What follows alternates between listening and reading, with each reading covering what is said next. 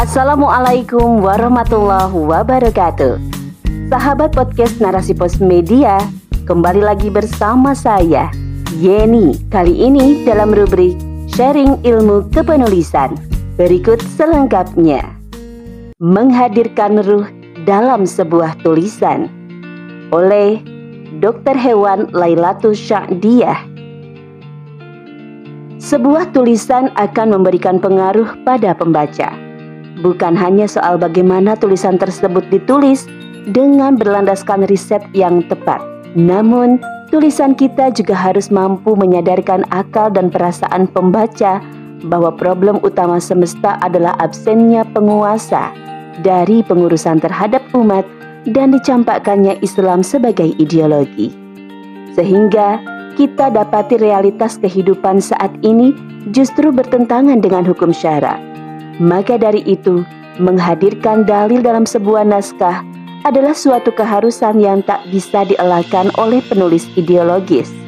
Karena sebagai seorang muslim, di sanalah kaki ini harus berpijak.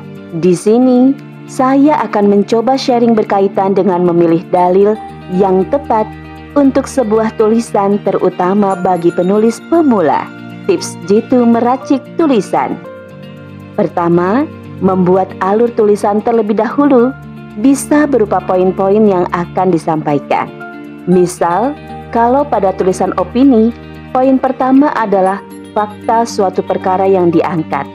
Kemudian, analisis munculnya perkara atau akar masalah. Selanjutnya adalah pandangan Islam dan terakhir solusi atau rekomendasi dalam Islam atau rekonstruksi dalam Islam ataupun gambaran penerapan pada masalah khilafah.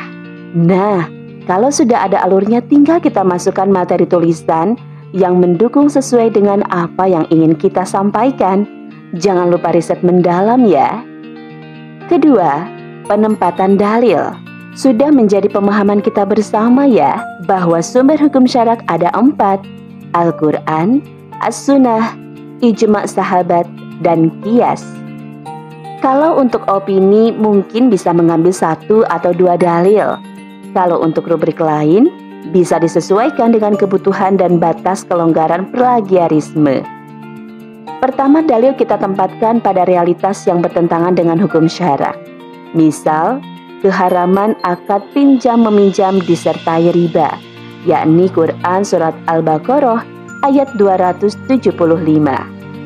Masalah kelitih bisa diberikan dalil bagaimana Islam menghargai nyawa manusia atau juga berkaitan dengan anak usia balik yang sudah kena beban hukum taat pada hukum syara. Quran Surah An-Nur ayat 59 dan seterusnya. Kemudian dalil bisa ditempatkan pada solusi Islam atau rekomendasi Islam.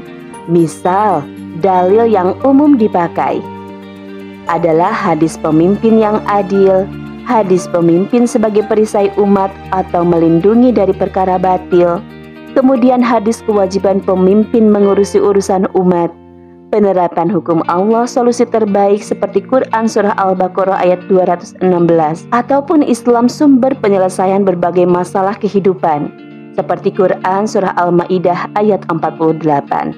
Ada pula kesempurnaan Islam seperti dalam Quran Surah Al-Ma'idah ayat 3 dan seterusnya. Jangan lupa bubuhkan kalimat penghubung yang mendudukan dalil tersebut sebagai rujukan penyelesaian permasalahan yang ada. Kemudian yang ketiga sumber dalil. Nah, kalau ini kita harus mau dan berani untuk lebih jauh mainnya. Maksudnya, semakin banyak literasi yang kita baca, semakin banyak juga referensi yang kita punya. Bisa kita lakukan dengan cara pertama merujuk pada kitab-kitab ulama atau tulisan ulama ideologis seperti Syekh Taqiyuddin An-Nabani, Ustadz Sidik Al-Jawi, Ustadz Hafiz Abdurrahman, dan lainnya. Kedua, mencari inspirasi dari tulisan ideologis lainnya, baik itu tulisan pada media ideologis atau buku-buku antologi. Ingat ya, cari yang terpercaya. Misal, Muslimah News, narasipos.com, Al-Wa'i, Media Umat, dan lainnya. Kemudian jika masih kesulitan, bertanyalah pada guru-guru yang dipercaya mafhumnya.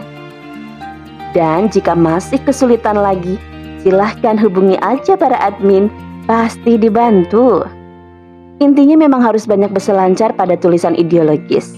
Banyak baca, banyak belajar, dan banyak praktik untuk memilih dalil yang tepat. Kalau kata Mbak Iranti Mantasari, praktik dulu, praktik terus. Keempat, teknis penulisan dalil. Sebelumnya sudah pernah dibahas ya oleh tim redaksi narasipos.com dan sudah tayang juga bagaimana teknis penulisan dalil untuk meminimalisasi plagiat. Yuk kita tengok lagi dalam artikel meminimalisasi plagiat. Begitu pentingnya keberadaan dalil dalam tulisan kita, karena dialah ruh yang mampu memberikan pengaruh atas apa yang akan kita sampaikan. Mungkin orang bisa menapikan apa yang kita sampaikan, tapi insya Allah seorang muslim yang taat tidak akan menapikan keberadaan hukum syarak sebagai dalil. Begitu ya teman-teman, saya cukupkan dulu sharing yang berkaitan urgensi dalil dalam sebuah tulisan atau naskah. Mohon maaf atas segala hilaf, mohon maaf atas keterbatasan saya. Yuk kita terus berlomba dalam kebaikan, teruslah berproses menjadi lebih baik hingga akhir hayat. Wassalamualaikum warahmatullahi wabarakatuh. Narasi pos, cerdas dalam literasi media, bijak menangkap peristiwa kunci.